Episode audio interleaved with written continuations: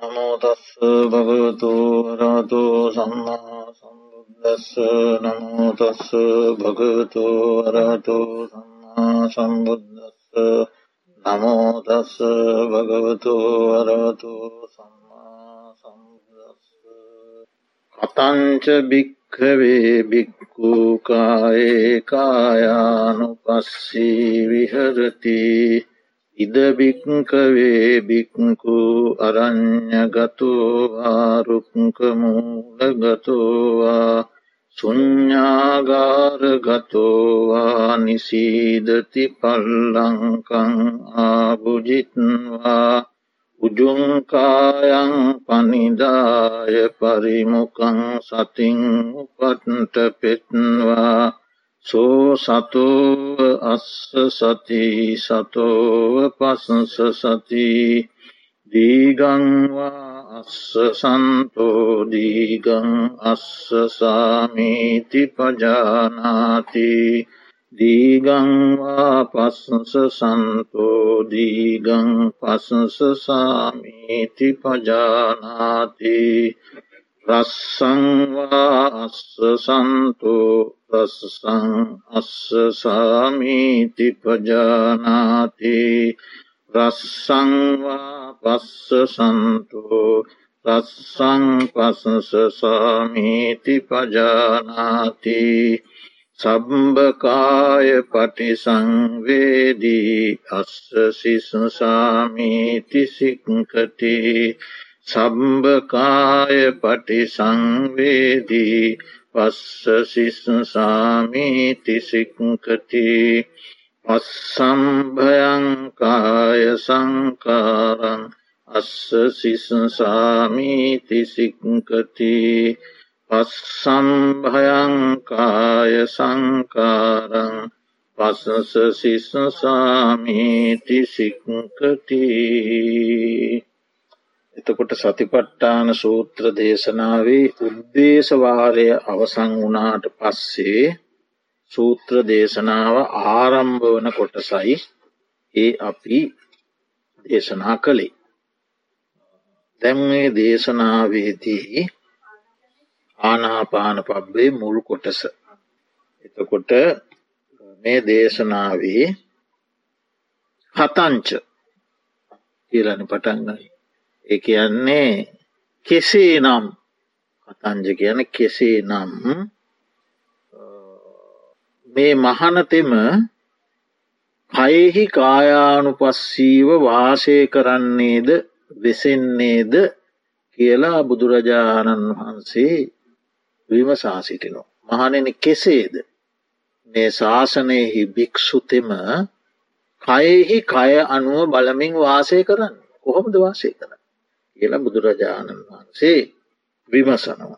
ඉං ඕක හරි ලස්සනට විස්තර කරනවා අටුවාවේ උනබට පතුරුවලින් කලාල ආදී විවිධ දේවල් බාණ්ඩ නිර්මාණය කරනවන උනබට පතුරුවලින් බටපතුරු ඒ වට්ටි කලාල ආදී දේවල් නිපදවන. එයාට කියනවා මේ කුළු පොත්තා කියලා. කුළු පොත්තා බඩු නිපදවන කෙන මනුෂ්‍යයාට. ඉතින් එහෙම කුළු පොත්තෙක් උනගසක් ඇරගෙන උනගස් තියෙන උනගස් ඒ උනගහ හතරට පලනු. හතරට පලනු. ඒ දක්ෂ කුළු පොත්තෙක් එහෙමයි කරන්න.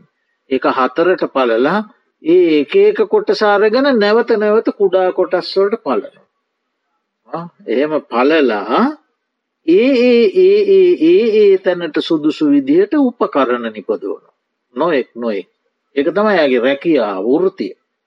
ඉතිං එහෙම නිපදවලා ඒකින් එයා දනදාන්නේ බෝග සම්පත් උපයාගෙන වාසය කරන ඉතිං ඒ විදිහට මේ බුදුරජාණන් වහන්සේ මේ කුළු පොත්තෙක් උනගස පලලා නිපදවනවා වගේ එකම සම්මා සතිය හතරට බෙදන කායානුපස්සනා වේදනානුපස්සනා චිත්තානුපස්සනා ධම්මානුපස්සනා කියලා එකම සම්මා සතිය හතර අර එකම උනගස හතරට පලනවා වගේ එකම සම්මා සතිය හතරට බෙදනවා. මොකද සත්වයන්ගේ නොයෙක් නොයෙක් ආකාර විශේෂයන්තිය. සත්වය එක එක එක විදිහයි. නොයෙක් නොයෙක් ආකාර විශේෂයන්ගෙන් යුක්තයි. ඒ නිසා මේ සම්මා සතිය කොටස් හතරකට බෙදන. ඊළඟට අන්න ඒ විදිහට බුදුරජාණන් වහන්සේ මේ සතරකට බෙදපු මේ සතර සතිපට්ටානය එක කායානු පස්සනාව එක කායානු පස්සන දෙක වේදනානු පස්සන තුන චිත්තානු පස්සනා අතර දම්මානු පස්සනා. දැම් මේක මුලින්ම ගන්නේ ඔන්න කායානු පස්සනා කියන කොටස. ඒකෙදී බුදුරජාණන් වහන්සේ දේශනා කරනවා ඉද භික්කවේ බික්කු අරං්ඥ ගතෝවා රුක්කමූල ගතෝවා සුඥ්ඥාගාර ගතෝවා ඔන්න. කායානු පස්සනා භාවනාවේ ප්‍රථම කොටස සම්පූර්ණ කිරීම සඳහා සුදුසු සෙනසුන් දේශනා කර අලමුවේ මොනවද සෙනසුන්? අරන්න සේනාසන. ඊළඟට වෘක්ෂ මූල. ජනයා නැති හිස් ගෙවල්. ශුඥ්ඥාගාර සුඥ්ඥ අගාර ගෙවල් හිස් ගෙවල්. භාවනාවට යෝග්‍ය සුදුසු සෙනසුන් දක්වන ඇයි එහෙම දක්වන්නේ. බොහෝ කලක් දීර්ග කලක් අතිදීර්ග කලක් රූපශබ්ද ගන්දරස ස්පරස ආදී අරමුණු ඔස්සේ දුවපු මේ සිත. රූපාදී අරමුණු පස්සේ දුවපු සිතක්න අපිට තියෙන් මේ සිත කුළුගොනෙක් යොදපු රථයක් වගේ. කුළුගොනාට නෑ කිසිම බෙල්ලවීමක් අස් ඒක හරි රතවලට යොදන්නේ අස්වයෝ ගොන්වාදී සත්තුනේ. ඇදන් යන්න. ට මේ අස් රතයට කුළුගොනෙක් යොදලති එයාට මේ චල්වීමක් නෑ හික්මීමක් නෑ. හික්ම වලා නෑ. එයා නාන නොයෙක් නොයෙක් ආකාරයෙන් එයා මේක ඇදගෙන විවිධ පැතිවලට දුවන සිතත් ඒ වගේ. මේ සිත නොඒ කරමුණු ඔස්සේ දුවල පුරුදු සිතක් නිසා මේක මෙල්ල කරනවා කියන එක ලේසිනේ පහසුනේ බොහොම අමාරු දෙයක්. ඒ අරමුණුවල වැටිලා ඒ අරමුණ ඔස්සේ දුවන. නේද? එහෙම නේද. හිත අරමුණක් කල්ලගෙන ඒක ඔස්සේ දුවන ඇති මේච්චල් කරනවා කියන එක ලේසිනේ පහසුනේ ඒක කරලා බලන්න ඕන. මේ එතකොට තමයි තේරෙන්නේ වැඩේ. අරමුණුවලම ඉන්නකොට ඕක ගානන්නේ ඔව නොෙක් නොෙක් අරමුණු නොයෙක් නොෙක් අරමුණු රස විඳ විඳා ඉන්නකොට හිත ගැන අවබෝධයකුත් නෑ හිතගෙන හිතන්නෙත් නෑ එතෙන්ට ගියා මෙතෙන්ට ගියා අතල්ලයක් ගත්ත පොඩ්ඩක් සැනසුන. එතවට ඕක කිසි ප්‍රශ්නයන්න ඔය ඉන්න පුළුවන්. මේක ඒ වගින් මිදිලා මේක හික්මුවන්ට යනකොට තමයි තේරෙන්නේ වැඩි. කොච්චර මේක අමාරු දෙයක්ද කිය අමාරුව දැනෙන්නේ එතකොට. කැමති නෑ හිත. එහෙම. එතකොට ඒ නිසා කිරිබී වැඩුණු කුළු අස්සේ. දැන් වැස්සිගෙන් කිරි බීලා අවසං වන කුළු අස්සෙක් ඉක්මුවන්ට කැමති මනුස්සෙක් ඒ කුළු අස්සා අල්ලග නැවිල්ල දැන් තරුණ නහ බුවස්සෙක්න කිරිබීල ඉවර අල්ලග නැවිල්ලා තද බල කනුවක ටැම්බක එයා ගැට ගහන් දැන් එයා උඩ පැන පැන දැන් අම්මගෙන් කිරි බීල අරහෙට දුවන මෙහට දුවන වත්ත වටේ දුවන අතර වටේ දුවන මේ වස්සාරංගවිල්ලා කනුවක ගැට ගහනවා තද බල කනුව. ගැට ගැහුවම් දැ මෙයාට දුවන්ට බැදැ කම්බේදික ප්‍රමාණයට විතර මෙයාට දුවන්ඩ පුළුව. දෙල්ලේ ඉඳලා කනුවට තියෙන කම්බේදික තියෙනවන ඒ ඒ ප්‍රමාණයට දිවහ ඊට වැඩියයාට දුවන්ට බෑ. දැන්ඉතින් එහෙම දුවල මෙයා හෙම්බත් වෙන. හෙම්බත්වයා මෙයා කනුවලඟ නිදාගන්න වෙන මෙයට කරන්න දෙන්නේ. අන්න ඒ වගේ සතර සතිපට්ටාන නැමති කනුවෙහි. සිහිය නැමති යොතෙන් මේ හිත බඳින්ඩුව. සිහිය තමයි යොත ඒකෙන් බැඳල තිය. යොත කියන්නේ අපි කියමුකු කඹය ඒ කඹයෙන් බඳිනු. සිහිය නැමති කඹයෙන් බැඳල හතිපට්ටහන නැමති කනුවේ ගැට ගසන. ගැටගැස්සැම් පස්සේ දැන්ඉතින් ඒක ටිකක් කමාරුවෙන් නමුත් ඒක තමයි කරන්නටුව. කරලා පුරුදු කරලා තිබ්බම දැන්ඉතින් මෙයාටයි දුවන්ඩ බෑ. දුවනවා දුව ඉති එය දුවන්න අර ප්‍රමාණයට තමයි දුවල දුවල දුවල දුවල දුවල මෙයා දැ මේක තේරුමක් නෑ දැ මෙයා ඊට පස්සේ මේ සතර සති පට්ටානය නැමති කනුව මුල වැතිර ගන්න කුළුගොනෙක් සංසුන් කරනවා වගේ වැඩ. එතකොට උපචාර වශයෙන් හෝ අර්පනා වශයෙන් වැතිරගන්න. උපචාර වශයෙන් වට වැතිරගන්නවා කියන්නේ උපචාර සමාධි කියල තියෙනවානේ ඒ වඩන භාවනා අරමුණ තුළ හිත හැසිරෙනවා. උපචාර වශයෙන් ඒ අරමුණේ හැසිරෙනවා. බුද්ධානුස්සතින් හෙම උපචාර සමාධිනති. අර්පනා කියන දිහානෝලට යන්ඩ බැරි භාවනාතිය. ොට ධ්‍යානෝලට යන්ඩ පුළුවන් භාවනා වනත් සමහර අයගේ චරිත ලක්ෂණ අනුව ධ්‍යානෝලට නොගිහිල්ල උපචාරවල නතරවේ. සමහර භාවනාවල උපචාරවලට පමණයි යන්න පුළුව. අර්පනා කියන දිහාන තත්වේ. එතකොට උපචාර වශයෙන් හෝ උපචාර සමාධි වශයෙන් හෝ අර්පනා සමාධි වශයෙන් හෝ මේ කනුවළඟ සතර සතිපට්ටා නැමැති කනුවළඟ සිත වැතිරගන්න. ඉං ඔබ්බට යන්න ආනේ තත්වයට පත් කරගන්නුව. එතකොට ඉතිං අන්නේ විදිහට මේ සිත බැඳ තබන්නට සුදුසු සේනාසන පැනෙව්ව බුදුරජාණන් වහන්සේ. සේනාසන පැනෙව්ව. ඇයි ධ්‍යාන භාවනාවට ශබ්දය කණ්ටකයකි. ශබ්දය තමයි තියෙන ලොකුම බාධාවධ්‍යානුවට. ශබ්දය බාධාව. ඒක බුදුහාන්දුරු දන්න ශබ්දය බාධාවක් දන්න කවුරුත් කියලදී ලද නෑ. බෝසත් අවදයේදී පුරුදු වෙලා දන්න ශබ්දය කියන එක හරිම බාධාව. ඒ නිසා බුදුරජාණන් වහන්සේ වාස්තු විද්‍යාඥයෙක් වගේ. වාස්තු විද්‍යාඥයාට රජ කෙනෙක් පනවනවා නගරයක් තනන්ට සැලැස්මක් කනින්. වාස්තු විද්‍යාඥය එනවා. රජතුමාගේ පැනවීමේ. ඇවිල්ලා නගර නිර්මාණය කරන්න සුදුසු බිම පරීක්ෂා කරන. බිම පරීක්ෂා කරලා රජතුමාට දන්නනවා. මෙතන නගරේ නිමක ඉදිකරන්න සුදුසුයි. මෙතන මේ දේ ඉදි කරන්න මෙතන මේ දේ ඉදි කරන්න මෙතන මේ දේ ඉති කරන්න මෙතන මේ දේ ඉදි කරන්න කියලා සැලසුම ඇදල දෙනවා. ඉතින් රජතුමා අර වාස්තු විද්‍යාඥයන්ගේ සැලැස්මානුව නගරේ ඉතාම සාර්ථකව ඉදි කරනවා. රජතුමා සතුටට පත්වෙන. ආස්තු විද්‍යාඥයාගේ සැලැස්ම බොහෝම හොඳයි.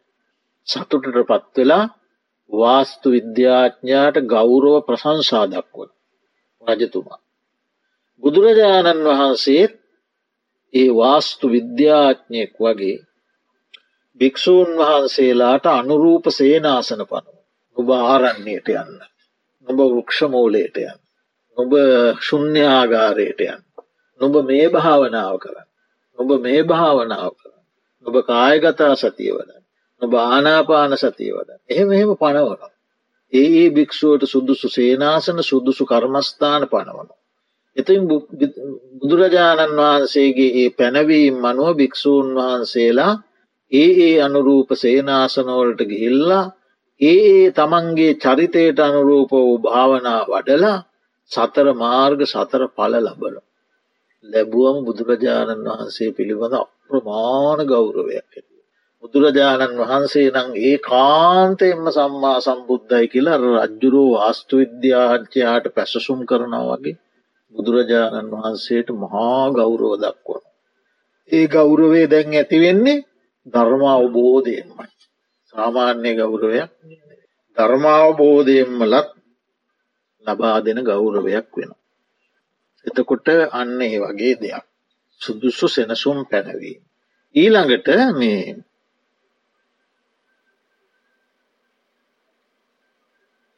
මේ භික්‍ෂූන් වහන්සේ සතර හතිපට්ඩාන වඩන භික්‍ෂූන් වහන්සේ මහා දිවියෙක් වගේ.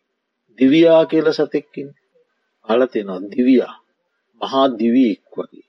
එයා පර්වතයක හෝ කඳුරක හෝ ගහක හෝ තෘණ තෘණ ගැවසීගත් තැනක හෝ තෘණ ගැවසීගත් ලන්දක ඒ ලන්දක හෝ ගස්පෙනයක හෝ පර්වතයක හෝ සැඟවිලා ඉන්න අය.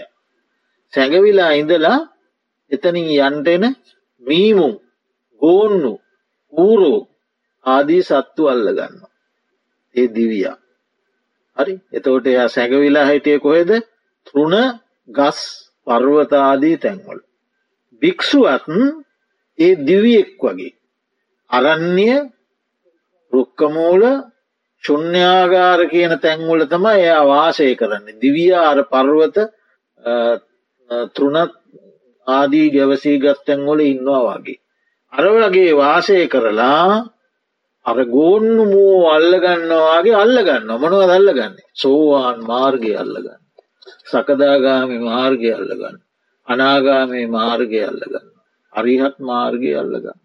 සතර මාර්ග සතර පල අල්ලා ගන්න මේ සුදුසු සේනාසනවලට වෙලා වාසය කරලා සතර සතිපට්ටානයෙන් වඩලා. ඉතින් මෙහෙම අටුවායුගේට එනකොට අටුවාවට එනකොට බුදුරජාණන් වහන්සේ මෙහෙම සේනාසන පැනවීමේ තව හේතු දක්වන අටුවාව මොනවදේ. ගිම්මහාල ඉරුතුවට සුදුසුවිලු ආරන්නේ. වස්සාන යුතුවට සුදුසුවිලු සුන්්‍යාගාර. එලිය හොඳ නෑන වැහිකාලේ සුන්්‍යාගාර හොඳ වැහි කාලෙට. ඊළඟට සිසිර ස්තුවට සිසිර සරත්කාලය කියල කියෙන් අව්වත් වැඩිය නෑ සාමාන්‍ය. ඒ කාලයට හොඳයිලු රුක්ෂ මූල. ඊළඟට සෙම් අධිකයාට හොඳයිලු ආරන්නේ. අධික සෙම ඇත්තා. පිතා අධික කෙනාට හොඳයිලු වෘක්ෂ මූල. වාතය අධික් කෙනාට හොඳයිලු ශුන්්‍යයාගා. ඒ අටුවාවේ සූත්‍රයන මේ සූත්‍රයට ලිව් අටුවාව. ඊළඟට මෝහ චරිතයාට හොඳහිලු මෝඩ මෝහ චරිත මෝහ චරිතයාට හොඳයි ආරන්නේ. වේස චරිතයාට හොඳයි වෘක්ෂමූල. රාග චරිතයාට හොඳයි හිස්ගේ. රූපාදී අරමුණුවල තදින් ඇලෙන රාග චරිතයට හිස්ගේ තමයි හොඳ. එයාට එලිමහන හොඳ නෑ විශභාග අරමුණු පෙන්නු ගම හිත පෙරලෙනවා. එයාට හිස්ගේ කවුරුත් නැති හිස් මොනෝවත් නැති තරමට හොඳයි. ඒ විදිහට ඉතිං දක්වනවා අටුවාවේ. තකොට ආරණ්‍ය සේනාසනයක් කියන්න මොකක්ද. කැලේ ජනශුන්්‍ය බඹ පන්සීයක් දුරින් පිහිටි. දුනු පන්සීයක් කියලත් සමහර තැන්වල සඳහන් වනවා ඊතලයකින් දුන්නක් වින්දහම දුන්න ගිහිල්ල වැටෙන තැන තියෙනවන ඒ වැටන තැඳලා ආයත් විදිනවා. ඒ මෙම පන්සිය වතාවක් විදිනවා. ඒ දුර ආරණ්‍ය සේනාසනය. රුක්ෂමූල කියල කියන්නේ සතුන් සර්පයන් පක්ෂීන්ගේ උපද්‍රව නැති ගස් ගස්මුල් ආරන්නෙත් තියෙනවා. ආරන්නේ ඉන්න ගමනුත් රුක්ෂ මූලයට යන්න පුළුවන් තමන්ගේ ආරන්නේ කුටියක් තියෙනවා කුටිය ඇතැරල ගහක් මුලට රුක්ෂමූල. සුඥ්ඥාගාර කියන්නේ ජන සම්බාධ නැති ජනයාගේ බාධා නැති නිශ්ශබ්ද ගෙවල් නිශ්ශබ්ද ගෙවල්.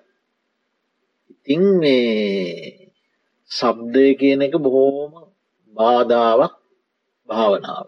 එනිසා බුදුරජාණන් වහන්සේ විශේෂයෙන් ආනාපාන සතියේදී මේ සෙනසුන් සේවනය කරන්නකි. බුදුහාන්දුරු හරියට නිශ්ශබ්දතාවයගේ කළා එක වෙලාක බුදුරජාණන් වහන්සට උපස්ථාන කරනවා නාගිතහාන්. උපස්ථාන කරද්දී ඉච්ඡානංගල කියන බමුණු ගමේ එතකොට වැඩ හිටි. ඒ බමුණෝ බුදුහාමුදුරුවන්ගේ ගුණ ගීර්ති ගුණ කීර්ති රාවය ඇහැන්ඩ ලැබෙනයි. එහෙම ඇවිල්ල ඉන්න අපේ ගමට සිද්ධාර්ථ ගෞතම කියලා බුදු කෙනෙක්ලු යා හරිහත්ලු සම්මා සම්බුද්ධුල විද්‍යාචරණ සම්පන්නලු සුගතලු ලෝකවිදුවේ මේවා අහන්ඩ ලැබෙනවා. ඉතින් මේගොල්ලො කන්න බොන්න නොයෙකුත් වස්තු සම්පත් අරගෙන බුදුහාමුදුර හම්බෙන්ටෙන. හම්බෙන් ඩැවිල්ලා ඉච්ඡානංගල ඒ භාග්‍යවතුන් වහන්සේ වැඩඉන්න සෙනසුනේ ඇතුල්ලෙන දොරටුව ළඟට ඇවිල්ල මහා කලබලේදැයි. මං ඉස්සල්ල ඇන්ඩුවන බෑව මං ඉස්සල්ල ඇන්ඩුවන ඉස්සල්ලාව මං. බාව පස්සේ. දැ එහෙම නිමිනිස්සුනේ එන්නම කලබලයක්දැයි. බුදුහාදුර නාගිතාහාදුරන් හන මොකක්ද නාගිතාර මේ මේ මසුම් මරණ තැනක මාළු මරණ තැනක මසුම් මරණ තැනක කේවට්ටය වගේ අර කෑ. කේවට්ටය වගේ කෑගන්න කවුදාන ඒකට සමහරු කියන කපුටු කියලා. අසුම් මරණ තැනක කපුටු ගෑගාන කාක් කියල. මහා කපුටු හඬක්නව මොරටුව පැත්තේ ඇල්ලඟට ගියාම් පේනවන. කපුටු හඬක්. සමහර තැනක තියෙන කේවට්ටය කේවට්ටය ගැන මසුම් මරන්න. එගොල්ලු මත්සයෝ මරාගෙන ඇවිල්ල මං ඉස්සල්ලා මරාගෙනාව මේතන මටෝන නෑනෑ මං මං මෙතන ගිය මාසෙත්වික් ගීයත්වික්ක මං මෙතන මේ තැන මටෝන කිය ඒ දැංගොලු මේ තැන් අල්ලගණ්ඩ මහා පොරයක් මෙතන සන්ධයක් ඒවගේ ඉතින් බුදුහාමුදුරහන මසුම් මර තැනක කියවට්ටය වගේ කවුදර කෑ ගන්න කිය. ඊට පස්සේ අගිත හාමුදුරුව කියන ස්වාමීනී භාග්‍යවතුන් වහන්ස මේ ඉච්චානංගල බමුණු ගම්වාසීන් භාග්‍යවතුන් වහන්සේ කෙරේ බොහෝම පැහැදිලා ආද්‍ය බෝධ්‍ය වස්තු සම්පත් අරගෙන බුදුහාමුදුරුව හම්බෙන්ට ඇවිල්ල කියන. එක දීර්ග මට සම්පූර්ණ සූත්‍රය මතකනෑ ඒක එක තැනක බුදුරජාණන් වහන්සේ අවසානයට කියනවා ආනන්දය ඔවුන්ට යන්ඩ කියන්න. මේ කණබොන වස්තුූල අවසාන පලය තමයි මළමුත්‍ර කියනවා. කණබොල වස්තුූල අවසාන පලය මළමුත්‍ර. ඒ නිසා තතාගතවරු ඔය අස්සුචි සුකයට කැමති නෑ නිශ්ශබ්දතාවේ ප්‍රිය කරන යන්ඩ කියන්න කියනවා. හරි එතකොට බුදුරජාණන් වහන්සේටත් එහෙමනං අලුතෙන්ම භාවනා වඩන කෙනෙකුට සබ්දය කොච්චර බාධාවක් වේ. ශබ්දය කණ්ටකයක්මයි බාධාවක්. ඒ නිසා නිශ්ශබ්ද සෙනසුනක් හොයාගණ්ඩ කියලා ඔන්න දේශනා කළ. ඔන්න පළමුුවෙන් සෙනසුම් පැනවීම ඔය තියෙන්නේ ඇ ඊළඟට මොකක්ද කියන්නේ නිසීදති පල්ලංකං ආභුජිත්වා එරමිනිය ගොතාගෙන ආනාපාන සති භාවනාවේදී විශේෂ ඉරියව්වක් වනවන. එරමිනිය ගොතාගෙන. උජුංකායන් පනිදාය. කොඳු ඇට පෙළ රිජුව තබාගෙන. රිජුව තබාගෙන. පරිමුකන් සතින් උපට්ට පෙත්වා. සිහිය කර්මස්ථාන අරමුණටම යොමු කොටගෙන. තමා වඩන ආනාපාන සති කමටහන් අරමුණටම සිහිය යොමු කරගෙන. ඒ කියන්නේ ආනාපාන සතියේදී තමන්ගේ ඒ හුස්ම රැල්ල ස්පර්ශවන තැන එතනටම සිහිය යොමු කරගෙන. නිසීදති නිසීදති හින්දී හින්දී ඇයි හින්දී කියන්නේ. ඉරියව් හතරෙන් හින්දී විතරක් ගත්තේ. තව තියෙනවා නිරියව් සිටගෙන සිටීම. නිදාගෙන සිටීම. ඇවිදීම. ඉරියව් හතරත් තියෙනවා වාඩිවී සිටීම ඇවිදීම නිදාගෙන සිටීම සහ සිටගෙන සිටීම. ඒ ඉරියව් හතරෙන් නිදාගෙන සිටීම කුසීත භාවයට එන්ඩ පුළුවන්. නිදාගෙන භාවනා කරන්න ගියොත් කුසීත බව නින්ද කම්මැලිකම එන්ඩ පුළුවන්. හිටගෙන සහ ඇවිදිමින් භාවනා කිරීමෙන් උද්දච්චයෙන්ට පුළුව. උද්දච්චය සිටගෙන සහ ඇවිදගෙන කරනකොට සිත විසිරීමට ඉඩකඩ වැඩි. මේ ආනාපාන සතියේදී. උස්ම ගැන හිත හිත ඇවිදින්ට බෑන් තකට සිත විසිරෙන්න්න පුළුව. එනිසා මේ ආනාපාන සති භාවනාවේදී ප්‍රධාන වශයෙන්ම ගන්නේ වාඩිවීමයි. නිදාගෙන කරන්න යෑමෙන් නිදිමතටත් සිටගන සහවිදිමින් කිරීමේදී හිත විසිරීමට. නිසීදති කියන්න හින්දී හින්දී කියන එකට තමයි හින්දී කියන එක ඇයි හින්දීම කියලා ගත්තේ කියන එකයි මේ කියන්න. හින්දීම කියලා ගත්තේ ඇයි. නිදා ගැනීමෙන් කුසීත බවත් සිටගෙන සහ විදීමෙන් ආනාපාන සතිය කරන්න ගියත් විසිරීමත් ඇතිවෙන්ඩ පුළුවන් ඒ නිසා මේක නිසීදතිම ගත්තා. නැත්තම් සතර ඉරියව්වේ මානාපාන සතිය දැන් සමහර සූතු මෛත්‍රිය සතර ඉරියව්වේම වඩන්නක. ඉට්ටන් චරන් නිසින්නවා සයානෝවා යාවතස් විගතමින්ද. මෛත්‍රී සතර ඉරියව්වේම මෛත්‍රිය වඩන්නගෙන. නමුත් ආනාපාන සතියද නිසීදති විතරක් ගන්න. ඒ නිසේධත විතරක් ගත්තේ ඇයි කියන එක ඒකිවේ. හරි අරිමුකන් සතින් උපට්ට පෙත්වා ගැන සිහිය කර්මස්ථාන අරමුණටම සිත යොමු කරගෙන. ඒක තමයි මුල් කොට සේතකොට මොන කොතෙන් දෙනකන්දේ නිසීදති පල්ලංකං ආභුජිත්වා උජුංකායම් පනිදාය පරිමුකන් සතින් උපට්ට පෙත්වා කියන තැනට එනකම්. සරලාර්ථය මහනෙන කෙසේ නම් මහනතෙම කයෙහි කායානු පස්සීව වෙසෙයිද යත්. මහනෙන මහනතෙමේ අරණකට ගියේ හෝ රුක්මලකට ගියේ හෝ ජනයාගෙන් වන සම්බාධ නැති හිස්ගයකට ගියේ හෝ එරමිනිය ගොතා පලක් බැඳ උඩුකායි රිජුකොට තබාගෙන සිහිය කමටහන් අරමුණටම යොමුකොට පිහිටවා හිඳී. ඇවිදී නෙමේ සිටගෙන සිටිත් නෙවේ නිදාගනීමත් නෙවේ හිදී ඉඳගෙන සිටි. එතකොට උඩුකය රිජුකොට තබා ගැනීමෙන් මස්නහර නැමෙන්නේ නෑ. මෙහෙම මෙහෙම වුණා මස්නහර නැමෙනවන මස්නහර නැමීමෙන් ඇතිවෙන වේදනා හටගන්න කෙලින් තියා ගැනීම. රිජුව තබා ගැනීමෙන් මස්නහර නැමෙන්නේ ඒ නිසා ඇතිවෙන වේදනාවම. සිත එකඟ වෙනවා වේදනාවම වෙන. අරයට මෙහට නැමිල තිබ්බම මස්නහර නැමිල වේදනා හටගන්න පුළුව. කොඳු ඇට පෙළ රිජුව තබාගන්න. ඒක තමයි ඒ කොටස. එතකොට අපි ඒ කොටස තවත් වඩාත් විස්තරාත්මකෝ අපි භාවය. භාවය කියල කියන්න ඒ සිංහල අර්ථය. සිංහල අර්ථය නෑ. අපේ මාතර ඥානාරාම පණ්ඩිස්වාමීන් වහන්සේ සහ නාවනේ අරිය ධර්ම ස්වාමීන් වහන්සේලා විසින් ශ්‍රී කල්්‍යයානි යෝගාශ්‍රම සංස්ථා භික්‍ෂු පිරිසේ භාවනා අවබෝධය දියුණුවීම පිණිස නිර්මාණය කරන ලද භාවනා උපදේශක පත්‍රිකා වලට අපි අවධානය යොමු කරමු. දැන් ආනාපාන සතිය අපි ඔන්න දැ සතර සතිපට්ඨාන සූත්‍රයෙන් ටිකක් අපි ඔබ්බට යනවා. ආනාපාන සතියම අපි ටිකක් එහාට යනවා අපි. කොහොමද? මහනෙන මේ ආනාපාන සති සමාධී උපදවන ලද්දේ උපදවා වඩන ලද්දේ. නැවත නැවත වැඩීම් වසයෙන් ප්‍රගුණ කරන ලද්දේ.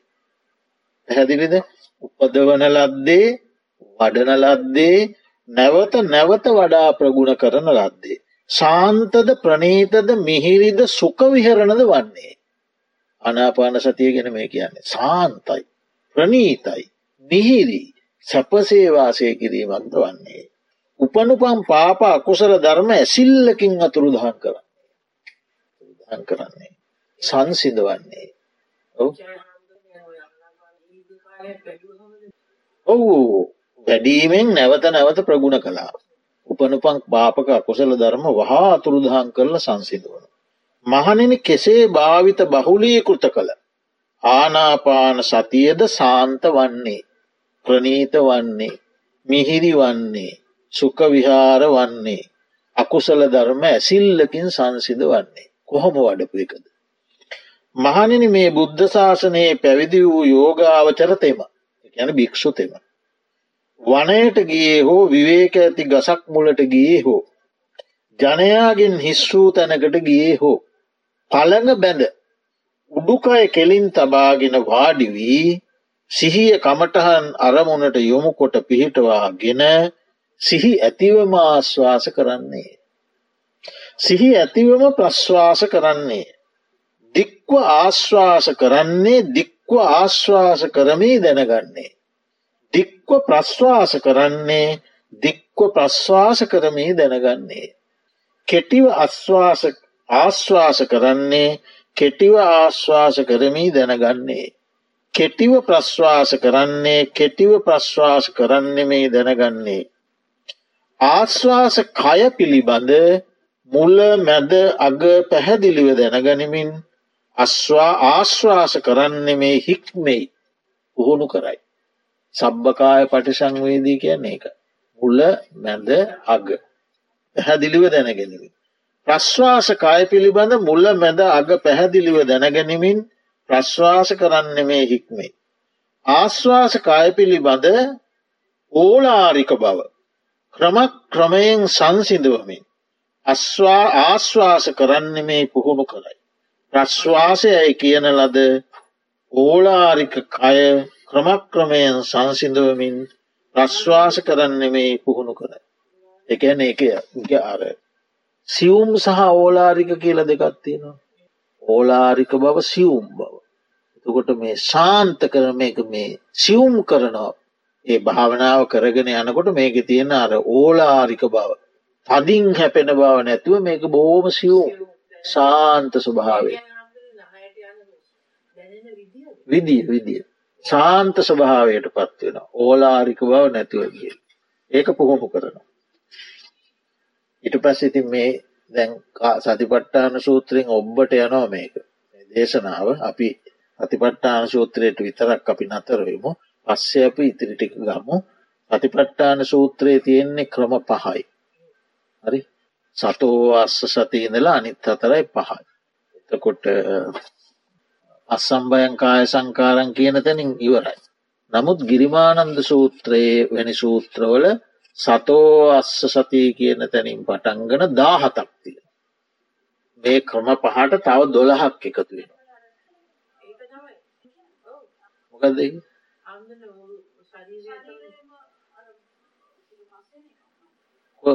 කොහොමත්තිය පස් සම්භයන් කාය සංකාරන්න මේක තියෙන සතිපොට්ටාන සූත්‍ර ඕ ඕලාරික ආස්ප්‍රාස්වා ඕලාරික ආශ්වාසකාය සංසිදවන එස එකන් ඒකන් ඒක සිවුම් වෙනවා. ඕලාරික බව සංසිද වනවා.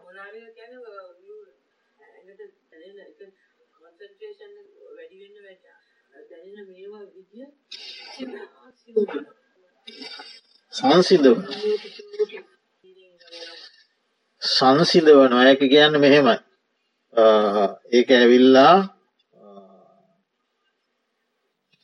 අස්සම්භයන් කාය සංකාරන් කියන තැන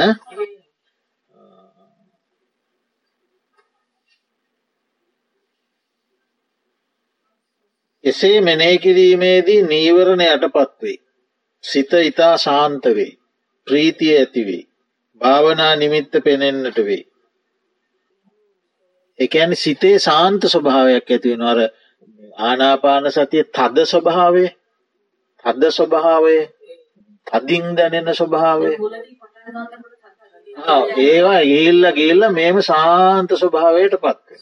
ඕලාරික ඕලාරික බව සංසිදිලගිල්ලා ශාන්ත ස්වභාවයට පත් එක. එතනින් ඉවරයි මේ සතිපට්ටාන සූත්‍ර. හැබැයි ගිරිමානන්ද සූත්‍රාදී දේශනාවලට යනකොට මේකට තව දොළහක් එකතු වෙන. තෝට ඔක්කොම දාහතක් වෙන. මෙතන පහක් වශයෙන් ගත්තොත් දාහතක් වෙන. ඒ සූත්‍ර දේශනාවල තියෙන්නේ ආනාපාන සති සංයුක්තය කියල වෙනම සංයුක්තයක් තියෙන සංයුක්ත නිකායේ. ඒ ආනාපාන සංයුක්තය තියෙනවා මේ දාහත් ක්‍රමයම. හරි එතකොට ඒ තැන්වල දැ මේ කියන්නේ කායානු පස්සනාවක්නේ මේ සතර සතිපට්ටාන සූත්‍රය අපි මේ ඉගෙන ගන්න කායානු පස්සන. එතෝට මේ කායානු පස්සනාට අයිති මේටික තමයි. ඔව මේ පහ ඉසී ඇතු හුස්ම ගන්නවා සී ඇතු හුස්ම පිට කරන.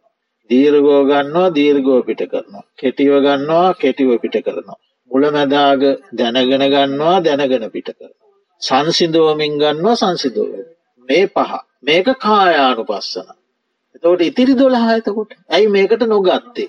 ඉතිරි දොළහා නොගත්තේ ඉතිරි දොළහා තුළ තියෙන්නේ සතර සතිපට්ටානයන් අතර වේදනා චිත්ත දම්ම අනිත්තු. අනිත්තුන්නට අයි ඒතුන. ඉතිරි දොළහැ පළවෙනි අතර වේදනානු පස්සනාවටයි. ඊළඟ හතර ඇති චිත්තානු පස්සනාව. ඊළඟ හතර අයිති දම්මානු පස්සනාව. එතුම් දැ මේ ගෙන ගන්න කායානු පස්සනා වේදුල ඇරම් මෙතෙන්ට තේරුවන්නේ. ඕ මෙතනින් නැව. මේක කායානු පස්සන.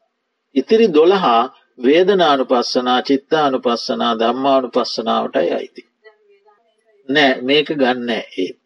නමුත් අපිට මේක ආනාපාන සතියෙන්ම යන්ඩ පුළුවන්. ආනාපාන සතියේ ඉතිරි දොළහත් ප්‍රගුණ කළොත් එයා මේ දාහත ප්‍රගුණ කරනකොට එයා තුළ ඔය සතර සතිපට්ටානයට යන. මේක වෙන ක්‍රමයක් මං කිව්වනි මයිට ඔයිසේ මං ඔයට කලින් කියල තියෙනන බුදු දහම විවිධ ක්‍රම සූත්‍ර දේශනාවල විවිධ ක්‍රම එනිසා මේකම සත්‍යය ශෙෂ්‍ය බොරුව කියන්න බෑ කෙනෙකුට. හරි? පුද්ගල චරිතානුව දේශනා කරපු තැනානුව ඒ පුද්ගලයාට දරාගන්න පුළුවන් ප්‍රමාණය අනුව පුද්ගලයාට මේ ඇති මේක කියල දුන්නව ඇති කියන සංකල්පය අනුව මිට වැඩි ඔන්න මෙයාට ඔය ඇති. මේකෙන් මෙයා ගොඩ යනවා. ඒ අනුව විවිධ තැන්වල ඉතා කෙටියෙන් මධ්‍යම ප්‍රමාණයට දීර්ග විස්තර සහිතව දේශනා කරලා තියෙනවා ආනාපාන සතියත් එහෙම සතිපට්ඨාන සූත්‍රය මේටික විතර. ඉරමානන්ද සූත්‍රයේ කතමාචානන්ද ආනාපාන සති. එතන මේක පහක් වශයෙන් ගත්තොත් දොළහයි පයි දාහතයි.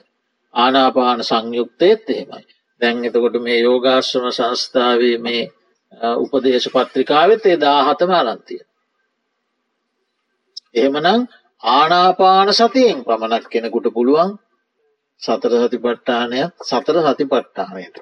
එකන්නේ මේ දාහත හරියට ගියොත් කායානු පස්සනාවත් තියෙනවා ගෙදනානු පස්සනාවත් තියනවා චිත්තානු පස්සනාවත් තියනවා දම්මානු පස්සනාවත් තියනවා සමාධියත් තියනවා විදර්ශනාවත් තියනවා මාර්ගත් තියනවා පලත් තියනවා එතකොට දැන් ඒ නිසා අපි මේ දා දැන් දාහත ගන්න දැන් අපි සතිපට්ටාන සූත්‍රයට අදහලු විතරක් යමු පස්සේ අපි දාහත වෙනම සාකච්ඡා කරමු. මෙතෙක්ලෝ පහළවී වදාළ සියලු බුදුවරයෝම ආනාපාන සති සමාධිය පාදක කොට විදසුන් වඩා බුද්ධත්වය අවබෝධ කරගත් සේක. එබැවින් අප සම්මා සම්බුදුරජාණන් වහන්සේ පළමුකොට සන්තෝචයව පනිතෝච්ච යනාදී වසයෙන් ආනාපාන සති සමාධයේ ආනිශස්ස දක්වා එයට ප්‍රශංසා කළ සේක. ඉක්බිති අරං්ඥගතෝවා යනාදී වසයෙන් ආනාපාන සති භාවනාවට සුදුසු සේනාසනයද භාවනාවට වාඩිවෙන ආකාරයද දක්වා වදාළ සේක. ආනාපාන සති කර්මස්ථානය වදාළ හැම සූත්‍රයකම. සේනාසන ආසනයත් යන දෙක විශේෂයෙන් සඳහන් කර ඇත්තේ හැම්ම සූත්‍රයක. හැම්ම සූත්‍රයක. ඒ දෙක විශේෂයි. සේනාසනයක් වාඩිවීම. සියලු බුදුවරයන් වහන්සේලාගේද බොහෝ පසේබුදු අගසව් මහසව් ආදී උත්තුමන් වහන්සේගේද විශේෂාදි ගමයෙහි මෙන්ම උන්වහන්සේගේ ඉහතාත්ම සුකවිහරණයේදීද සෙසුකර්මස්ථානයට වඩා මේ විශේෂ තැනක් ගෙන තිබෙන බව සඳහන් වේ. බුදු පසේබුදු අගසව් මහසව්. උතුමන් වහන්සේලාගේ සෙසුකර්මස්ථානයන්ට වඩා මේ විශේෂ තැනක්ගෙන. එහෙත් ජනාකීර්ණ වූ ස්ත්‍රීපුරුෂ රතවාහනාදී නොයෙක් ශබ්දයන්ගෙන් ගහන නගර ග්‍රාමයන්නේ වෙසමින් ආනාපාන සති කර්මස්ථානය වැඩීම දුස්කරේ.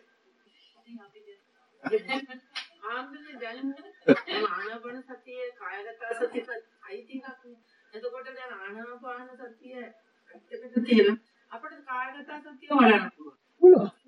මේක මේකත් එක භාවනා කර්මස්ථානයක්. මේක සාන්තයි මේක ප්‍රනීතයි මේක බුදු පසේ බුදු මහරහතන් වහන්සේලා වැඩූ එකක්.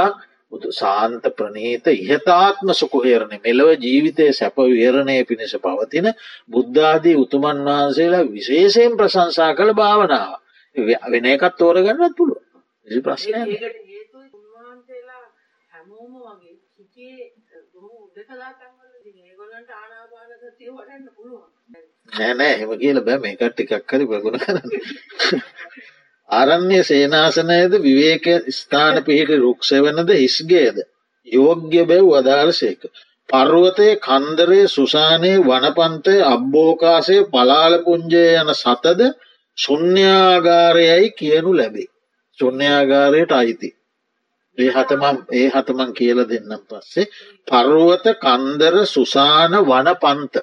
වනපන්ත සේනාසන කියල තියෙනවා. ඒවා අබ්බෝකාස හිස් ආකාසේ හිස් අවකාසේ හිස් තැන පලාල පුංජය ඒව මං සොයල බල්ල කියන්න ඒව විස්තර සහිතයි.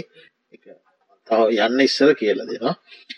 මෙසේ ආනාපානසති භාවනාවට යෝග්‍ය සේනාසනය දක්වා ඉක්බිති එයට සුදුසු ඉරියව්ව දක්වමින්. කුසීත බවට හේතුවන බවින් සයනයද ඉසල්ලකින් උද්දච්චයට හේතුවන බවින් සිටීම හා සක්මනද හැරපියා හිඳීමම යෝග්‍ය බව දැක්වූ. හිදිනේද ආශ්වාස ප්‍රශ්වාස සුවසේ පවත්වා සැටියට ඌරු බද්ධාසනයයි කියනු ලබන එරමිනිය ගොතාගෙන වාඩිවී. දහටක් වූ කොඳුවට පිළිවෙලින් සිටිනසේ උඩුකය කෙලින් තබාගත යුතු බැව් කී. එසේ උන් කල්ලේ සම්මස් නහර නොනැවෙන බැවින් සිත එකඟ වන බවත් දැක්වූහ. හැබැයි යම්කිසි කෙනෙකුට එහෙම වාඩිවෙලායින්ට අමාරුණ එයාට පුළුවන් කය රිජුව තබාගෙන ආ පොළවෙහි ඉස්පර්ශ වන සේ උටුව උටුවේ කය රිජුව තබාගෙන. එනිසා නොවන මහත්‍ය බයවෙන්ටපා පුටුවක වාඩියලත් කරන්න පුළුව. කියන ලද පරිදි බද්ධ පර්යංකයෙන් වාඩිවී උඩුකාය කෙලින් තබාගත් යෝගාවචරයා විසින් ඊළඟට කළ යුත්තේ ආනාපාන සති කර්මස්ථානයට අභිමුඛ කොට සිහිය පිහිටවා ගැනීම. එයින් අදහස් කරනුවේ බාහිර නොයෙකුත් අරමුණුවලින් ඉවත් කරගත් සිහිය ආශ්වාස ප්‍රශ්වාස වාතය ඇතුල්වෙන පිටවෙන දොරටුව වූ නැහැය අග පිහිටවා ගැනීම. ඕ සමහර කෙනෙකුට තොල්පටෙත් මේ ස්පර්ශය දැනෙන්ට පුළුව සමහර කෙනෙකුට. ඒක මේ බුරුම ක්‍රමයක්. ඒක බුරුම ෂයාඩෝ ස්වාමීන් වහන්සේගේ ක්‍රමයක්. ආනපස්තය පරිමුකන් සතින් උපට්ට පෙත්වා යනුවෙන් වදාලේ ඒ අර්ථය. පරිමුකන් සතින් උපට එසේ ආශ්වාස ප්‍රශ්වාස අරමුණු කොටගත් සිහිය නැහැය අග පිහිටවාගෙන සිහි ඇතිවම ආශ්වාස කළ යුතු. ඒ සිහි ඇතිවම පාශ්වාස කළ යුතු. එක එක එක. සතෝ වාස සති සතෝ අපස. මෙසේ සිහි ඇතිව ආශ්වාස ප්‍රශ්වාස කිරීම ආනාපන සාති භාවනාවට බැස ගැනීමයි. ඒකට කියන අභි නිවේශය කියලා බැසගත්තා. අභි නිවේශය. තාත්තටත් ගැටලුවක් එහෙම තිබ්බොත් අහන්ඩ අභිනිවේශය. සෝ සතෝ අස්ස සතේ සතෝ පස්ස සති යනුවෙන් බුදුරජාණන් වහන්සේ වදාලේ යයි. එතෙන්ට අස අස්ස සති පස්ස සතිය. අස්ස පස්ස අස්ස සති සපි දැනගෙන සිහියෙන් දැනගෙන හුස්ම ගන්න දැනගෙන හුස්ම පිටක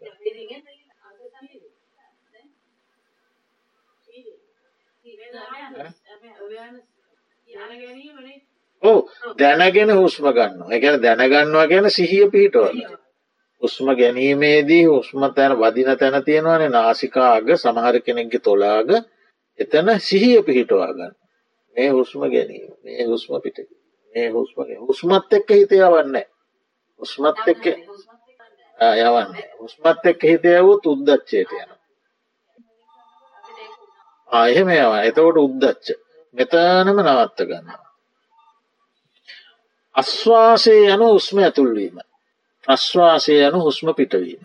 ඇතැම්මිට හුස්මවාරය හීන් සීරුවේ බොහෝ වේලාවක් ඇතුල්ලමින් පැවතිය හැකි.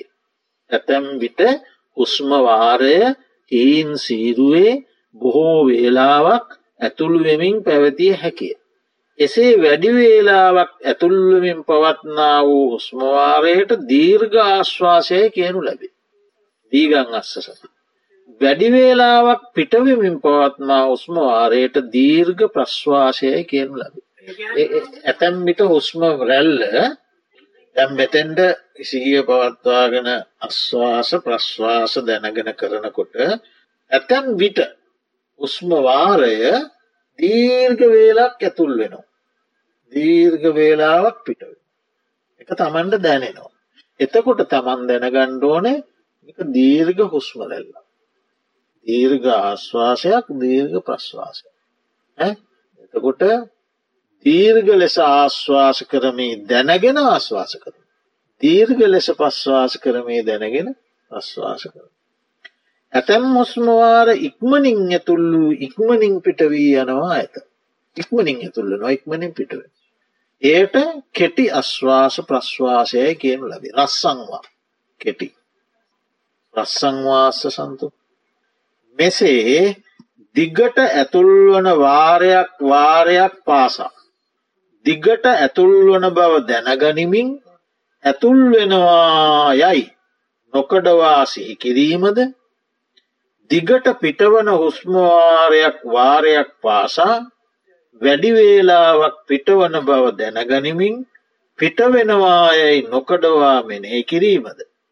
ඇතුල්වන පිටවන කෙටි හුස්මවාර ඒ ආකාරයෙන් දැනගැනිමින් නොකඩවා මෙනෙහි කිරීමද ආනාපාන සති භාවනාව. මුලින් ඉළඟට දෙවැනි පියවර දීර්ග හුස්මරැල්ලක් සමහරවිට කෙනෙකුට දීර්ගක නොහැටිවී කෙටියක වැට එන්න පුළුව මේක මේ අනු එහෙම එහෙම වෙන්ඩ බොහෝම අඩුයි. ඔව එහෙම වෙන්නත් පුළුව එහෙම වෙනවා අඩුයි නේද? එ ඉති එහෙම දැනගන්න. ඒකට කමක් උස්මරැල්ලේ ස්වභාවය දැනගණ්ඩ කියල මේ කිය ස්වභාවය ස්වභාවේ දීර්ගද කෙටිද? එක තමන්ට දැනෙන ආකාරය තමන් දැනගන්න. හැබැයි මේක දැනගන්ට ඕන කියලා අමුතු උත්සාහයෙන් උස්ම ගන්න එක දිගද කියල බලන්න ඕන කෙටිද එහෙම ස්වා නිරායාසයෙන් සිදුවෙන.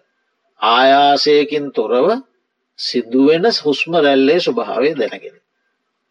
උපන්දා සිට මේ මොහොත දක්වාම හුස්ම ගැනීම සහ පිටකිරීම සිදු කළ මුත් එය සිහියෙන් තොරව කළ බැවින් භාවනාවක් වූයේ නැත.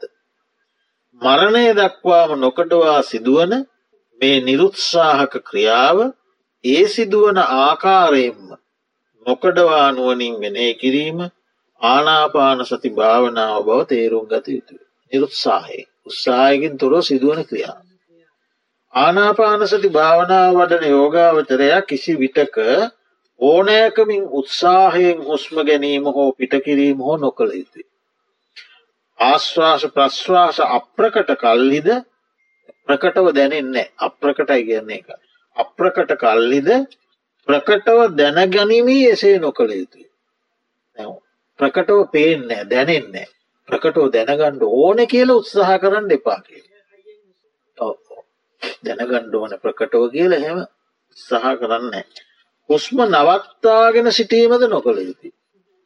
ඇතුල්වන හුස්ම රැල්ල අනුව ඒ පසුපස හිත යැවීමද පිටවන හුස්මරැල්ල අනුව සිත ඇවීමද නොකළ යුතු. හුස්මරැල්ලත් එක සිතය වන්නෙත් නෑ. අප්‍රකට වුණාම ප්‍රකට කර ගණ්ඩෝන උත්සාහ කරන්නෙත් නෑ. අමුතුවෙන් නවත්තාගෙන ඉන්නෙත් නෑ.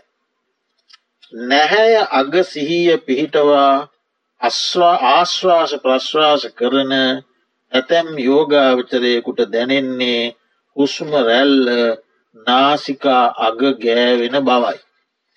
ඇතෙමකුට උඩු තොලෙහි ගෑවී යන බව දැනෙන්නට පුළුවන්. ඇතෙමකුට. ඒ දෙතැනින් කොතන වුවත් වරදක් නැත. ඒ දැනෙන තැනින් සිත බැහැරට නොගෙන එහිම තබාගෙන මෙනෙහි කළ යුතුය. ඇතම් කෙනෙකුට ආශ්වාස ප්‍රශ්වාස එක නාස් පුඩුවක පමණක් ගෑවෙන බව දැනේ. ඒ දැනෙන තැන සිහිය පිහිටවා මෙනෙහි කළේ. දෙපොලේම හොයන්ඩ යන්න දැනෙන තැන. මේක නිරා නිරුත්සාහයෙන් සිදුවෙන ක්‍රියාවට සීය පිටවා ගැනීමනි කරන්න ඕන අරව තැන තැන් මෙතන මොකද මේක දැනෙන්නේ මේක නැත්තේ ඒව යන්න. එහෙම යන්න. ඒ දැනෙන තැන සිහිය පිහිටවා මෙනය කළ යුතුය. එසේ දැනෙන හුස්ම වාර එකක්වත් අමතක විය නොදී. මෙනෙහි කිරීමේ පහසුව සඳහා පෞරාණික කර්මස්ථානාචාරයන් වහන්සේ අනුගමනය කළ ප්‍රතිපදා අටක් පටිසම්බිදා මග්ගහිද විශුද්ධි මග්ගහිද විනයට්ට කතාවෙහිද දක්වා තිබි. ඔන් තැන් තුනක තියෙනවා. පටිසම්බිදා විශුද්ධි මාර්ග විනයට්ට කතා. ක්‍රම අටක්.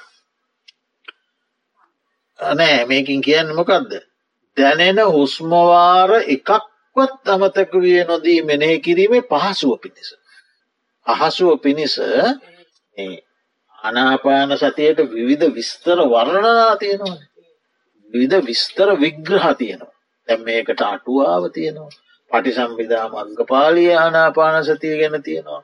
විශුද්ධි මාර්ගය ආනාපාන සතිය ගැන තියෙනවා. විනයට්ට කතාවේ ආනාපාන සතිය ගැන තියෙනවා.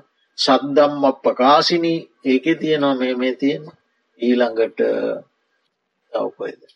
සංයුක්ත නිකා ආනාපාන සංයුක්තය කියල වෙනම සංයුක්තයක් තියෙනවා එනිසා මේ පට්ටාන සූත්‍රය විතරන්න මේ ගැන තියන්නේ සූත්‍ර පිටගේ විවිධ තැන්වල විසිරිලා තියෙන. එතකොට ඒ අනුගමනය කළ ප්‍රතිපද අටක් එක හොස්මවාරයක්වත් අමතක විය නොහි නොදී මෙනය කිරීම පහසුව පිණිස. ක්‍රම අටක් හඳුන්නලා දෙනවා මේ ග්‍රන්ථවල මොනවදී.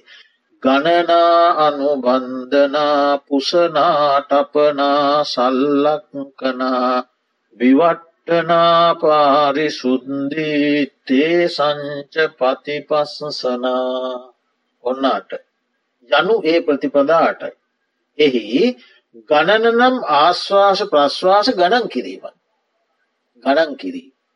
ඕ අනුබන්ධන නම් සිහිය අශ්වාස ප්‍රශ්වාසනුව පැවැත්වීමේ. ආශ්වාස ප්‍රශ්වාසනුව පැවැත්වීම. කුසන නම් ආශ්වාස ප්‍රශ්වාස ස්පර්ශ කරන තැනය. තපන නම් අර්පනාය. සල්ලක්කන නම් විදර්ශනාවේ. ඉටක දැන් එක විස්තර තියෙනවා. විවට්ටන නම් මාර්ගය. පාරිශුද්ධිනම් ඵලය පතිපස්සනානම් ප්‍රත්්‍යවේක්ෂාව. එතකොට මේ අටෙන් මේ අටෙන් අට කෙලවර වෙන්න කොතනින් නිවනුත් ලබල නිවනත් ප්‍රත්්‍යවක්ෂ විමුක්ති ඥාන දර්ශනය මේ අටින් කියන්න මොකක්ද ගණනෙන් පටන්ගන්නේ කෙලවර වෙන්නේ නිවනෙ ප්‍රතිපදා අඥානද නෑ ප්‍රත්්‍යවේක්ෂාඥාන දහනමයක් අපි ගෙන ඉගෙනන ටිස ප්‍රත්්‍යවේක්ෂාඥාන විමුක්ති.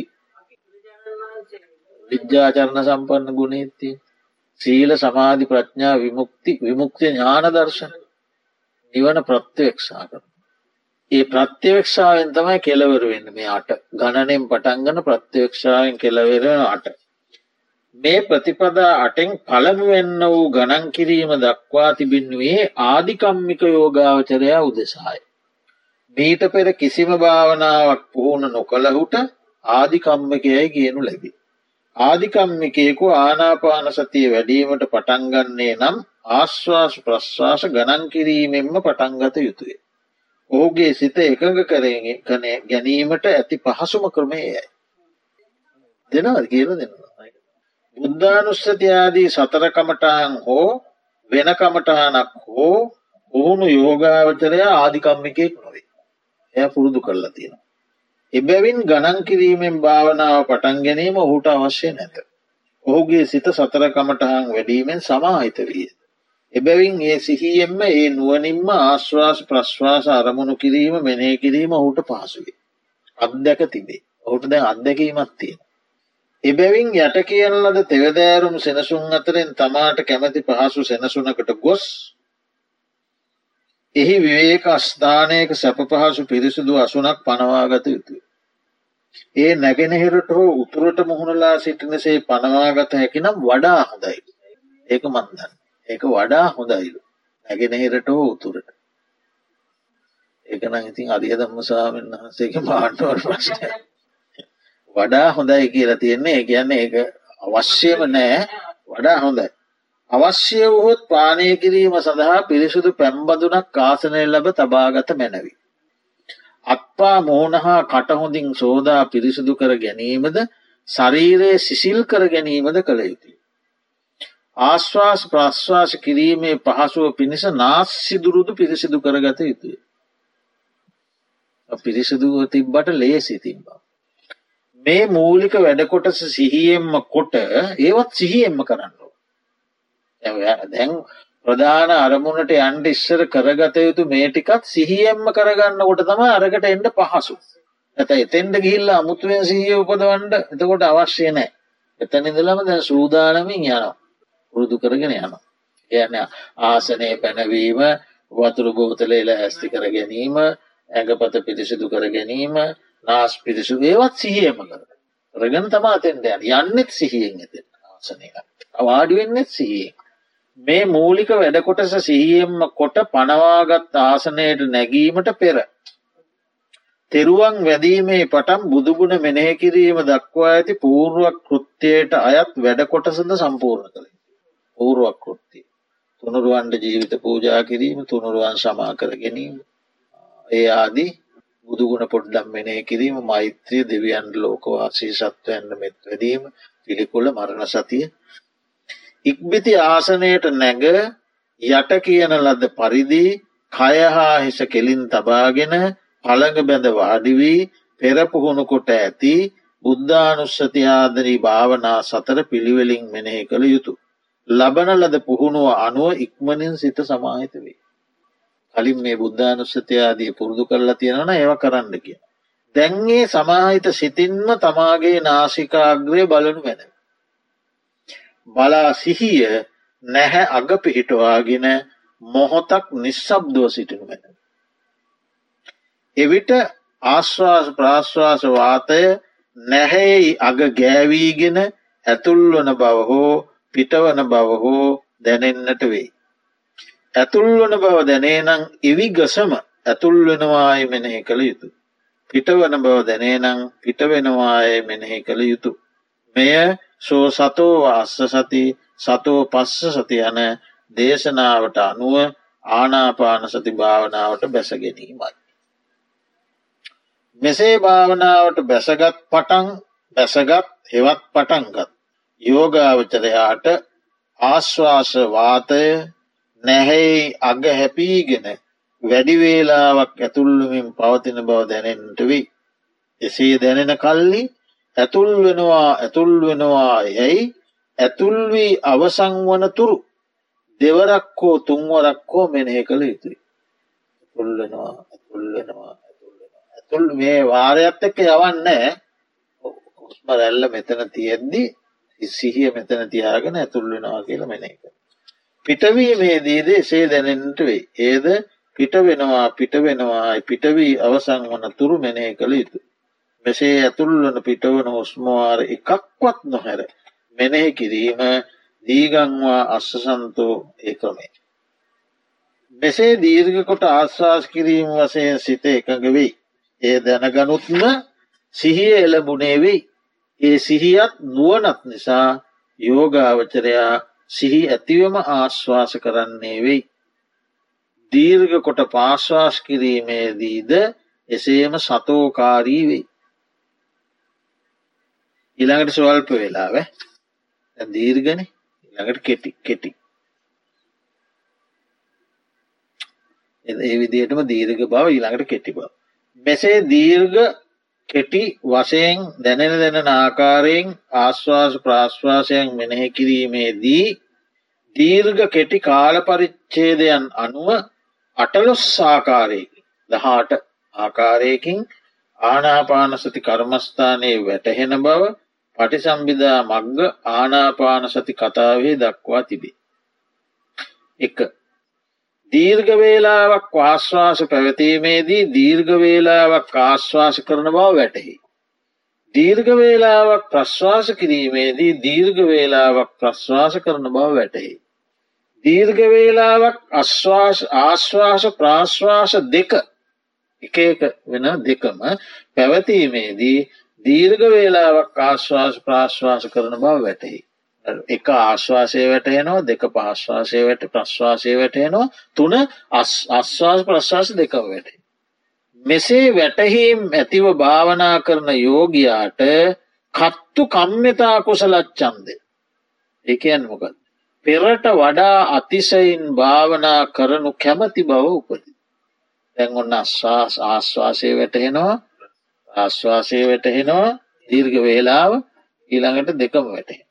දීර්ඝ වේලාවක් ආශ්වාස කරනවා වැටෙනවා දීර්ඝ වෙලා ප්‍රශ්වාස කරන වැටෙනවා දීර්ඝ වෙලා ප්‍රශ්වාස ප්‍රශ්වාස දෙකම වැට. ඒ වැටහීම ඇති වුණාම එයාට ඇතිවෙනවා කත්තු කම්්‍යතා කුසලච්චන්.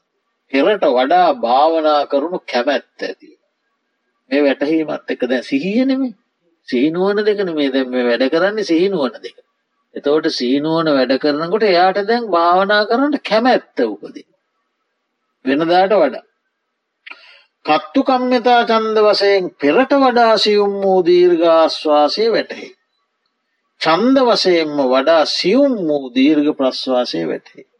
චන්ද වසයෙන් වඩා සියුම් වූ දීර්ඝ ආශ්වාස් ප්‍රශ්වාසයෙන් වැටි. එකන කත්තු කම්්‍යතා චන්දය දැන් තියෙනවා වෙනදාට වඩා භාවනා කිරීම උනන්දුව කැමැත්ත. ඒ චන්දයත් එක්ක ඉස්සරට වඩා සියුම් වූ දීර්ඝ ආශ්වාසය වැටේ.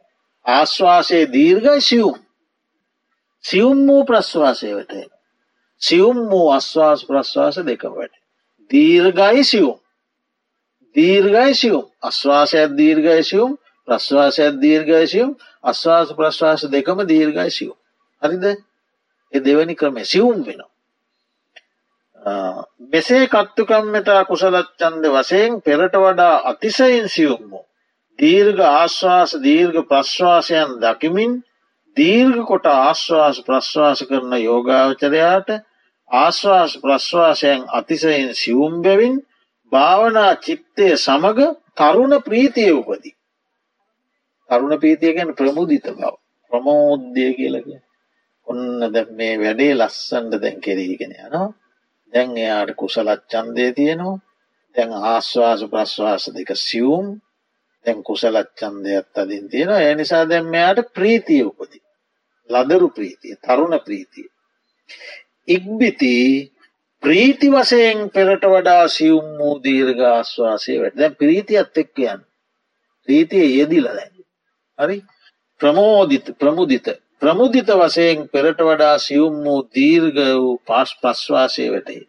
ප්‍රමෝද්ධය වසයෙන් පෙරට වඩා සියුම් වූ දීර්ග අශ්වාස දීර්ග ප්‍රශ්වාසය වැටේ.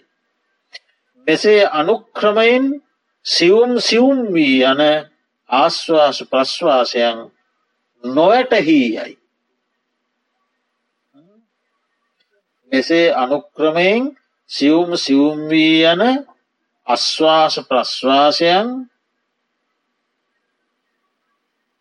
වැටහි යයිනේ වැටහි ඔව මෙසේ දීර්ඝ අශ්වාස දීර්ඝ ප්‍රශ්වාසයන් නවායුරකින් දැන් නව ආකාර නවයයිනි.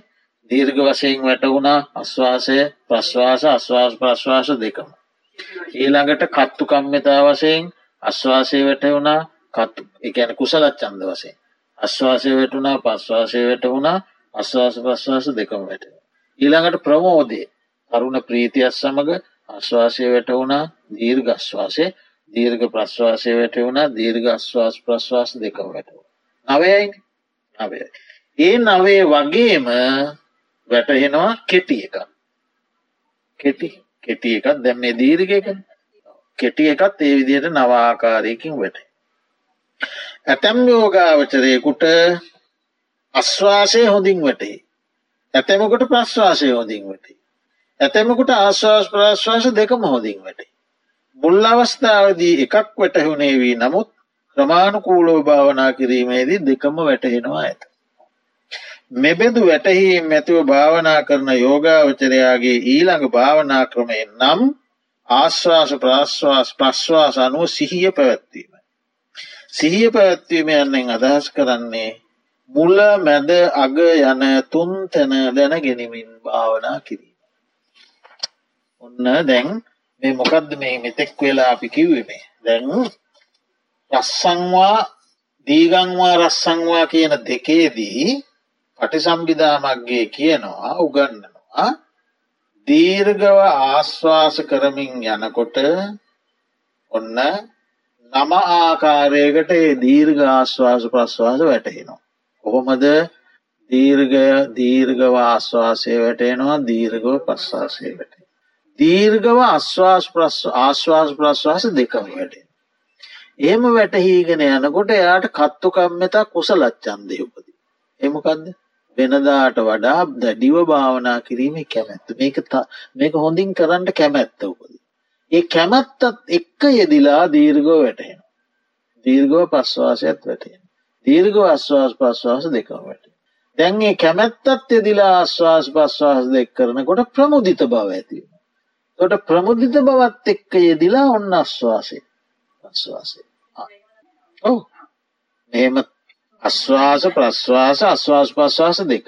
ඊලාට කත්තුකම්මතා කුසලච්චන්දත් එක්ක අශ්වාස ආශ්වාස ප්‍රශ්වාස අශ්වාස ප්‍රශ්වාස දෙක. ඊළඟට ප්‍රමුදිත බවත් එක්ක ආශ්වාස ප්‍රශ්වාස ආශ්වාස ප්‍රශ්වාස දෙක. ඊළඟට ඒ දීර්ගන ඉලාට කෙටි නවේ කෙටියටත් එහෙම නමේ නවයනමේ දාට අනිත්‍යවට කිය දැම් මේ මෙතෙක් මේ කිව්වේ රස්සංවා දීගම් ඒ දෙක විතර තාව ඉතිරේව අපි ආවෙ නෑන කතා ඒවටත් ඇති ඒවටත් ඇති. හැමෝටම එකම විදියට මේ පොතේ තියෙන විදිහට වැටහෙන්න එක එක්කනට එක එක ක්‍රමයට. මේක ඇවිල්ලා මොකට දෙකට කියන් තියරියද මේක ඇවිල්ල මේ මූලික න්‍යාය න්‍යා. මෙහෙමයි. න්‍යාය වැඩේ භාවිතය කරගෙන යනකොට භාවිතයට එක එක විදිය. එක එක්කනෙකුට මේ නාසිකාගේම සීය පීටලා එතනින්ම උපචාරත් ඇවෙල්ලා අර්පනත් ඇවෙල්ල විදර්ශනත් වෙල්ල නිවනුද්දකින්න පුළුවන් සමරට සතෝ සතෝ අස්ස සති සතෝ පස්ස සති කියන තැනින්ම එයාට ගොඩ යන්න පුළුවන්. සසර පැවතුම් මෙහෙමයි එයාට මේ මුකුත් ඕන්න ඔය ඉතිරි දහා ඉතිරි දාසයෙන් දාසයක් නැපිකිවි දාහතයි. දාහතයෙන් පලවෙනියකෙන්ම පුළුවන්. පලවෙනියකින්ම සමාධී ඇත්තිපදුනා පලවෙනියකින්ම සති සමාධි ප්‍රඥා තුනමත් වැඩුණා. එයින්ම උදයව්‍යත් දැක්ක. අංග බයතු පට්ටානත් දැක්ක. මං ජීවිත කාලයම මේ උස්ම ගෙන ගෙනන හිටිය සංසාරයත් කොච්චර හුස්ම කන්න ඇද මවකුසෙන් බිහිවුණ දවසේ දලා හුස්ම ගත්ත මේ හුස්ම ඔක්කොම අනිත්‍යයි. නැතිවෙලා ඇතිවෙලා නැතිවෙලාගේ හුස්ම රැල්ලක් නේද? මේක නේද ජීවිතය කියන්නේ? ඉතින් මේ මෙවැනි අනිත්‍ය වූ ජීවිතයක් නේද මම මේ අවිද්‍යා තෘෂ්ණා කර්මවලින් අල්ලගෙන මේ සංසරණයමින් පැවතියේ. මෙතන තියෙන හිස් බවක් ශුන්්‍යතාවයක් මුකුත්න අල්ලගන්න කිසිම දෙයක් නෑ. මේ හටගත්ත නැති වුණ හටගත්ත හටගත්ත මුකුත්න ශුන්්‍ය බවක් තියෙන්නේ. උදේ ඉඳල ගත්ත හුස්ම දැම් මොකුත්න දැන් අලුතෙන් හුස්ම ගන්නවා. උස්ම අලුතෙන් ඉපදුනානමේ මේක හේතු පල ධර්මතාවය. සියල්ල වැටහෙලා විදර්ශනාවත් වැඩලා නිවනුත්තාබෝධ කරන සතෝ අස්ස සතියෙන්ම සංසාරයෙන් මෙදුන එහෙම පුළුවන්. එහෙම තමයි. ඕනෑම භාවනාවකින් අපි බලාපොරොත්තුවෙන්න සති සමාධි ප්‍රඥාන. සති සමාධි ට සිහිය සමාධිය සද්ධාවීර්යාදීවට රුකුල් දෙනවා. තොට සති සමාධි ප්‍රඥා වැඩෙනාකාරයට පැවැත්වීම අවස්සේ. සති සමාධි ප්‍රඥා. කොට සිහියෙන් අරමුණ මතු කරලා දෙනවා සමාධියෙන් අරමුණේ සිත තැන්පත් කරනවා ප්‍රඥාවෙන් යථාර්ථය ඉන් කෙනෙකුට මේ එක දෙයින් පුළුවන්ගේ අපි තව දියුණු එන්ටෝන ඉන්ද්‍රිය ධර්මයන් බල ධර්මයන් තව අපි දියුණු කරගන්නට අවශ්‍යය. ඒවා දියුණුවමින් යනකොට බුදුබා පාර්ථනා කරන උතුමෙක් නම් ඉතින් කොච්චරේ වැඩුවත් උන්වහන්සේ සංස්කාර උපේක්ෂාඥානයෙන් ඔබට යන්නේ නෑ එතනින් උන්වහන්සේගේ ගමන අතර කරන අතර වෙනවා. යන්න තැ මොකද කරන්න? තව කරනවාද? දිගට යනවාද? ඇතෝට අපි කීයක් කොතෙන් දෙනකං කලාද සම්පූර්ණ අපි සතෝව දීගංවා පස්සන්වා. අස්ස සන්තෝ පස්ස සන්තෝ දෙක අවස ඊළඟට තියෙන්නේ සබ්භකාය පටිසංවේදී පස් සම්බයන් කාය එතන මතක තියාගන්න. සබ්භකාය පටිසංවේ මේ දෙක ඉවර එතවට දැන් මතක තියාගන්න මේක මොකක්ද මෙහෙම කරගෙන යන්දි කුසලච්චන්ද වශයෙන් මේක දියුණුව වී යනවා ප්‍රමුදිත භාවය වශයෙන්. ප්‍රමුදිත කියන තරුණ ප්‍රීතිය. වශයෙන් දියුණුව ඒක මතකේ තියාගන්න.